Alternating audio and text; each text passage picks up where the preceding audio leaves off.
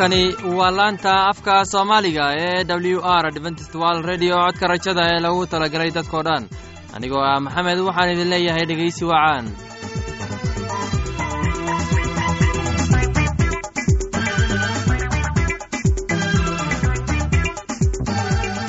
barnaamijyadeena maanta waa laba qaybood. Qaybta koowaad waxaad ku maqli doontaan barnaamijka nolosha qoyska. Uu inoo soo jeedinaya garane kadib waxaa inoo raacaya cashar inaga imaanaya bugga nolosha uu inoo soo jeedin doonaa cabdi maxamed. Labadaasi barnaamij ee xiisaha leh waxaa inoo dheeraysa daawacsan oo aynu idiin soo xulnay kuwaas aynu filayno inaad ka heli doontaan. Dhegeystayaasheenna qiimaha iyo khadradda lehow waxaynu kaa codsanaynaa inaad barnaamijkeenna si haboon u dhegeysataan haddii aad wax su'aalaha qabto ama aad haysid wax tala ama tusaale fadlan inala soo xiriir dib ayaynu kaaga sheegi doonaa ciwaankeenna. Bal intaynan u gudagelin barnaamijyadeena xiisaha leh waxaad marka hore ku soo dhowaataan. Heestan daabacsan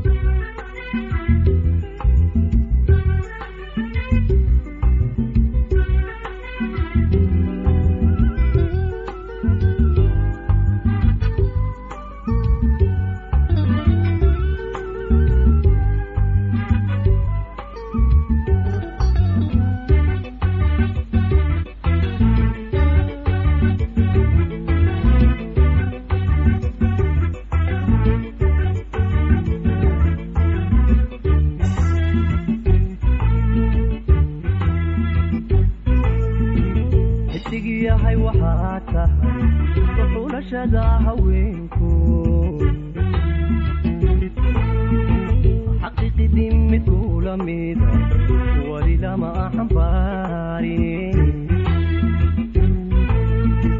xidig yahay waxaa tahay uxulashada haweenku xaqiiqidii mid kula mida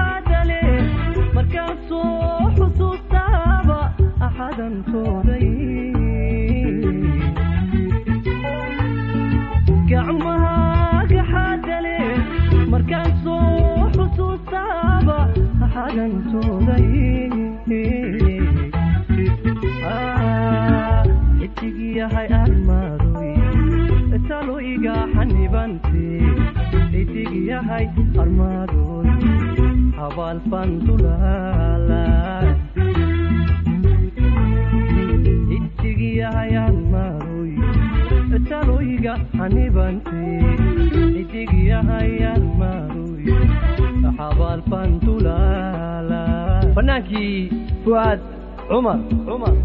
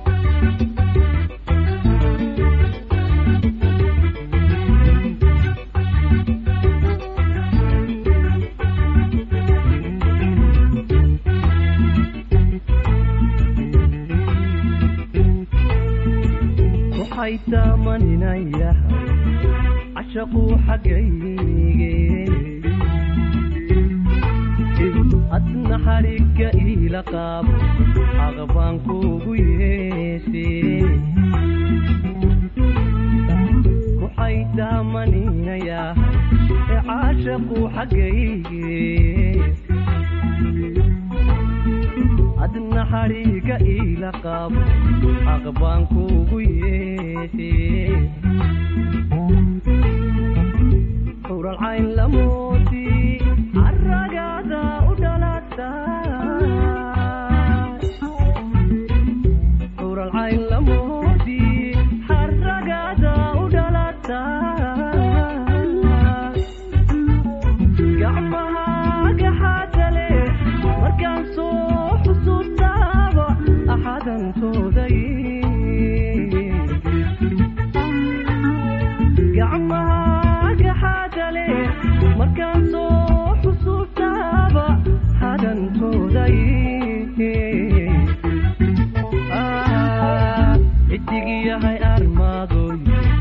talooyiga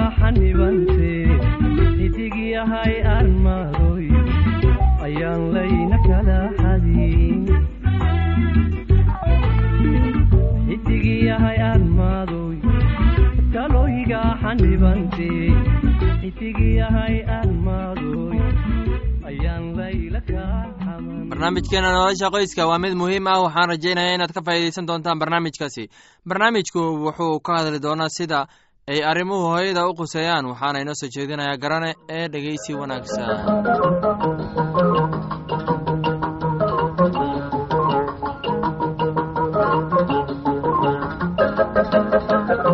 Dhegaystayaasheenna qiimaha iyo qaayahlahow ku soo dhowaada barnaamijkeennan nolosha qoyska. Wakhtiga la tababari karo dhirta xayawaanka iyo carruurta. Waa marka ay yaryar yihiin. Haddii ay dabayl qalloociso geed yar oo uu markaasi maroorto. Miyay fududdahay sida loo toosiyo? Haddii dameerka aan loo tababarin inuu xamuul qaado marka uu yar yahay mid miyuu xamuul dameerkaasi saari karaa marka uu weynaado? Haddii canugu uu been sheegi jiray oo uu qaadan jiray wax uusan lahayn oo uu dadka ka waaweyn si xun ula hadli jiray ilaa yaraantiisii miyay fududdahay in dabeecadaas noocaas oo kale ah laga celiyo markii uu weynaado. Digaagta hooyada ah waxay carruurteeda yaryar bartaa sida looga dhuunto loogana gabado galeerka ama dafaha. Waxay tusaysaa habka cuntada loogala soo dhex baxo carrada. Iyaguna tusaalahaas ayay raacayaan. Tababarkan waxay u bilaabmaysaa maalintii ay dhashaan. Kitaabka waxa uu sheegayaa sida hooyada digaagga u tahay tusaale matalaya sida ilaah dadkiisa u dhaqaaleeyo.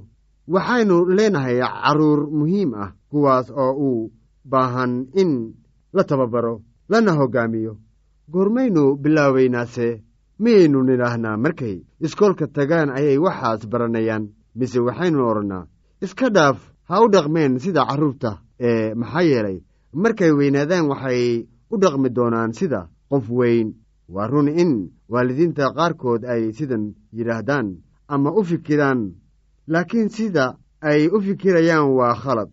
Dabeecaddan carruurta waxaa qaabeeya oo hagaajiya tarbiyeynta yaraantooda. Maalin aniga iyo carruurta ayaa isla soconnay kadib. Waxaynu aragnay meel coos qoyan ka baxay oo aad moodid inaan weligiis la dulmarin. Isla markay arkeenba carruurtii waxay ku carartay cooskii iyaga oo markaasi ka sameeyey wax u eg waddo la maro. Markii ay ku dhex carcarareen dhowr jeer waxay cooskii ka dhex sameeyeen waddo cad oo la qaadi karo. Sida ay waddada uga dhex qaabeeyeen cooska waa inay dabeecad wanaagsan uga dhex qaabeeyaan noloshooda. Marka aad wax wanaagsan samayso dhowr jeer adiga oo ku celcelinaya maalinba maalinta ka sii dambaysa waxay qaabaynaysaa dabeecadda wanaagsan kuwa ugu fiican waxaa weeye dabeecaddan runsheegidda addeecidda aabbaha iyo hooyada si farxad leh ula ciyaaridda carruurta kale ama nadaafadda.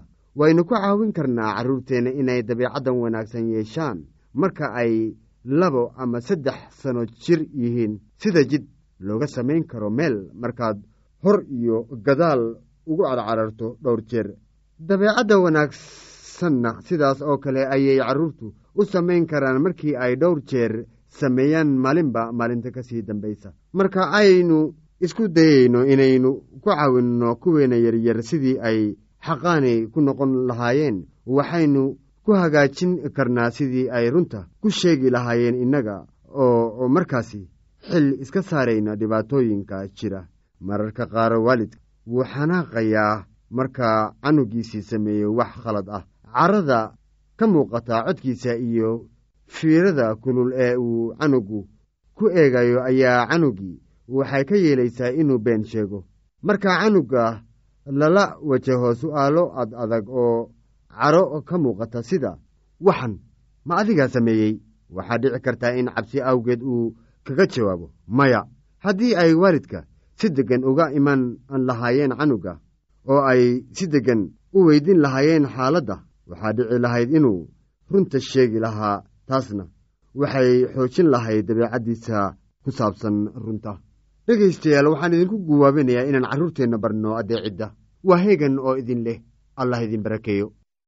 Waxaan filayaa inaad si abbaan u dhegaysateen casharkaasi. Haddaba haddii aad qabto wax su'aal ah oo ku saabsan barnaamijka nolosha qoyska fadlan inala soo xiriir ciwaankeenna waa codka rajada sanduuqa boostada afar laba laba todoba lix nairobi kenya. Mar labaad ciwaankeenna waa codka rajada sanduuqa boostada afar laba laba todoba lix nairobi kenya. Waxaa kaloo inagala soo xiriiri kartaan imeilka ah somali e w r at yahu dt com. Mar labaad imeilka waa somali e w r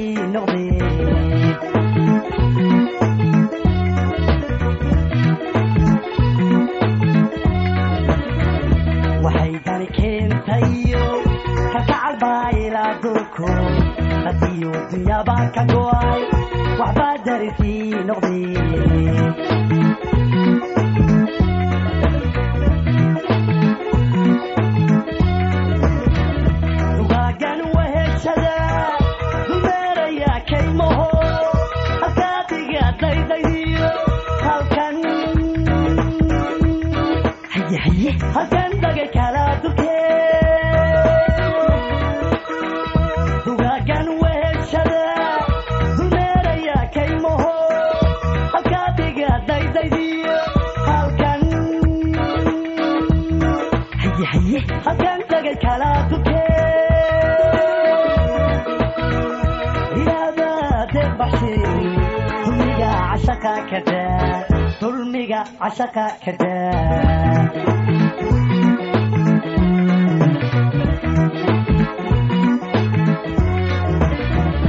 ilaadaade baxshe dulmiga cashaqa kada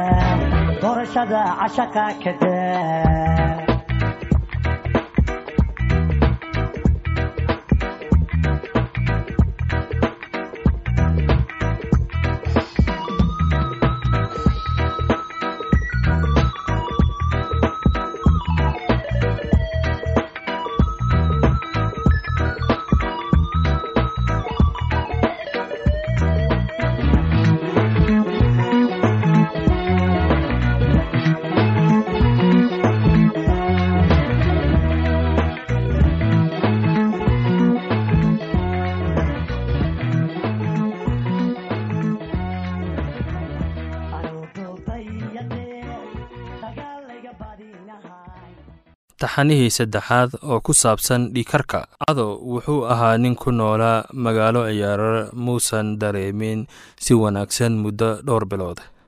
Maalin buu lugeynayey saaxiibkiisa haaruun uu u kacay inuu muddo muuqdo mid daalan.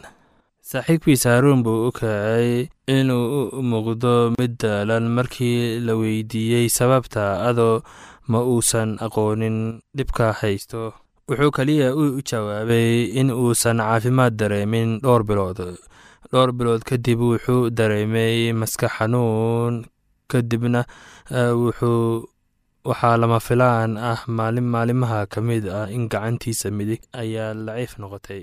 Cadoo wuxuu ogaaday in ay wax ka qaldan yihiin ado buu aad buu uga argagaxay maxaa yeelay wuxuu ogaa in dhowr toddobaad uusan caafimaad wanaagsan dareemin. Wuxuu xasuustay hooyadiis aabbihiis inuu u dhinteen dhiikar wuxuuna isweydiiyey haddii kani yahay waxa dhici doona wuxuu ogaaday inay jirto dhibaatooyin weyn adoo walaalkiis ayuu wacay walaalkiisi wuxuu ogaa in ay wax ka qaldan yihiin. Sidaa daraaddeed isagu wuxuu u yimid inuu soo arko walaalkiis ugala taliyey inuu aado bukaan caafimaad ama isbitaal. Markii ay yimaadeen isbitaalka kalkaalisada caafimaadka ay aragtay waxay markii ugu horreysay ka abbaartay dhiikarka waxay dareentay inuu dhiikarkiisu aad u sarreeyo qiyaasta laba boqol iyo labaatan ilaa iyo boqol iyo labaatan dhiiga kore. Waxay dib u hubisay dhowr jeer waxay weydiisay sida badan uu dhiikarkaaga u hubiyo oo ah wuxuu u sheegay tani inay tahay midda ugu horreysay. Kalkaalsyada caafimaadka iyo kadib dhakhtarkii ayaa u sheegay inay hubiyaan inuu ku dhacay istaroog taariikh dheer oo dhiikarka si xun u xakamaysay haddaba su'aashu waxay tahay waa maxay sababta dhiikarka oo dhibaato aad u sarreysa? Maxaa sababa? Ugu dambeyntii maxaa samayn karaa saameyn karaa si loo daaweeyo dhiikarka aynu ka jawaabno ugu horeyn saddexda su'aalood. Waa maxay sababta dhiikarka u socdo? Uu dhibaato u leeyahay gebi ahaanba. Marka hore waa inaan fahnaa waxa caadi ah iyo waxa dhiikarka u sarreeya. Cadaadiska dhiigga ayaa guud ahaan laga qaadaa qaybta labaad garabka. Waxaa sidoo kale loogu qaadi karaa lugta laakiin cadaadisku wuxuu wuu kala duwan yahay shirka caadiga ee adduunka oo dhan waxaa loogu qaadaa dhiikarka bidix ama gacanta midig kore. Cadaadiska dhiigu guud ahaan wuxuu leeyahay laba lambar oo loo xilsaaray tirada koowaad ama kan hore. Waxaa loo yeedhaa sistolig tani guud ahaan waa inta u dhexaysa sagaashan ilaa iyo boqol iyo afartan.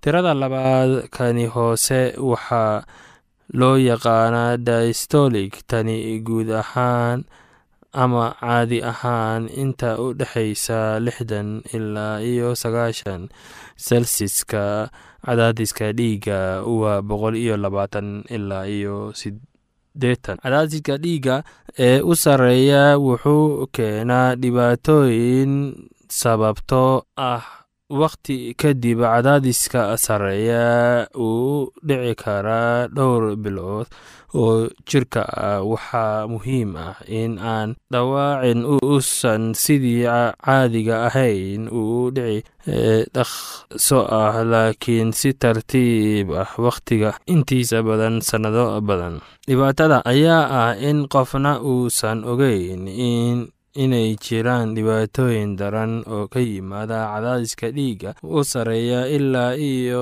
dhaawac la sameeyey oo ay aad u soo daaheen. Waa maxay xubnaha qaar ee waxyeela cadaadiska dhiigga ama dhiikarka wadnaha keliyaha xididada dhiigga laftooda iyo maskaxda ayaa ah kuwa ugu horreeya ay waxyeelaan aynu marka hore ka hadalno cuntadayada cuntada aad cunayso markaad qabtid dhiikarka waxaa ka mid ah cuntada sida cagaarka ah. Marka hore waa qaadashada cusbada qaadashada milixa badan waxay sababi doontaa dhikarkaagu kor u kaco. Markuu dadku badanaa waxay isweydiiyaan inay la eg tahay. Dadku badanaa waxay isweydiiyaan inta ay la eg tahay marka hore ka kadib marka cuntada la kariyo ha u ha ku darin milix dheeraad ah. Marka labaad inta lagu jiro karinta. Waa inaanu ku darin milix badan in si fudud wax loogu cuno. Waa mid wanaagsan cusbo aada u badan ayaa dhiig karka kicin karaa qeybta labaad ee cunista oo saameyn ku yeelanaysa dhiigkarkaaga ayaa ah inta aan cunin. Haddii aan cunno rooti fara badan iyo waxyaabaha sokorta leh ee sababi karaa inaan culays saarno miisaan xaddhaaf ahi waxay noo horseedi kartaa dhiikarka marka waa muhiim inaad cunin wax badan. Dadka badankooda waxay u muuqdaan inay qabaan dhibaatooyin culays badan kadib markay gaaraan soddon sanno jir. Tani waa sababta oo ah wakhtigaasi kadib jirkeennu wuu isbeddelaa marka haddii aad miisaan badan tahay ka hor intaadan soddon sano noqonin waxaad sidoo kale qayil noqon doontaa cayil noqon doontaa kadib soddon ama in ka badan cunnada wanaagsan waxay leedahay miro badan iyo khudrad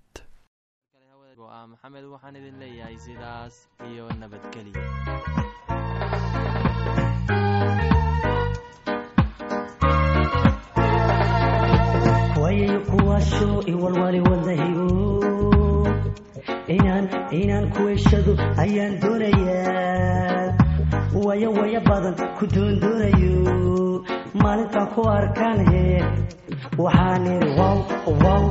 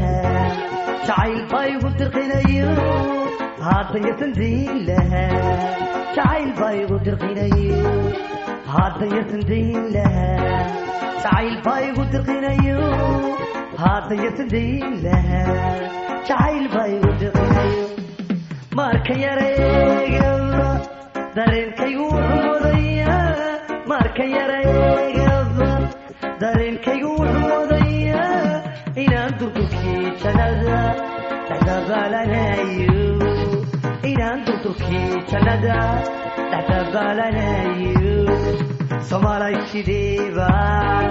soomaalay sideeba ugu dulqaata ugu dulqaata soomaalay sidee sidee soomaalay sideeba ugu dulqaata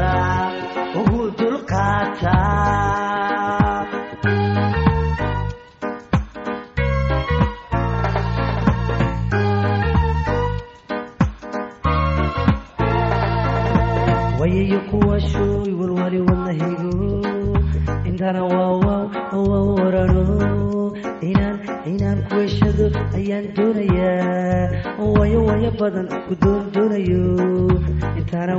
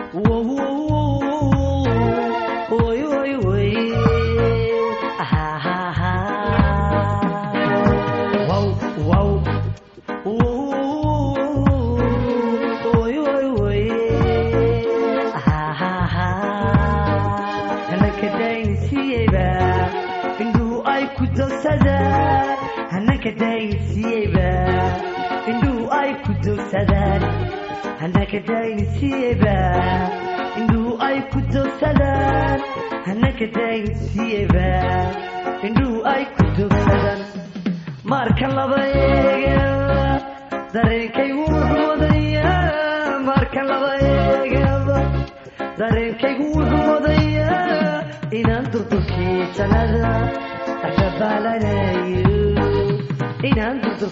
jannada dhaqabalanayo soomaalay sidee sidee soomaalay sideeba ugu dulqaataa ugu dulqaataa soomaalay sidee sidee soomaalay sideeba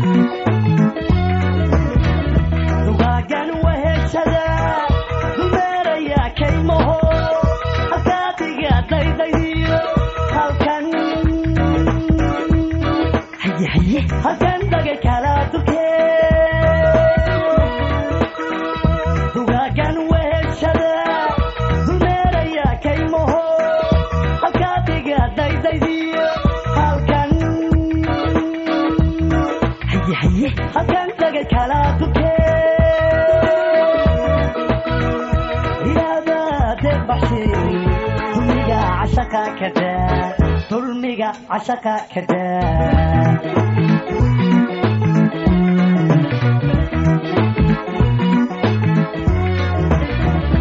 ilaabade baxshay dulmiga cashaqa kada doorashada cashaqa kada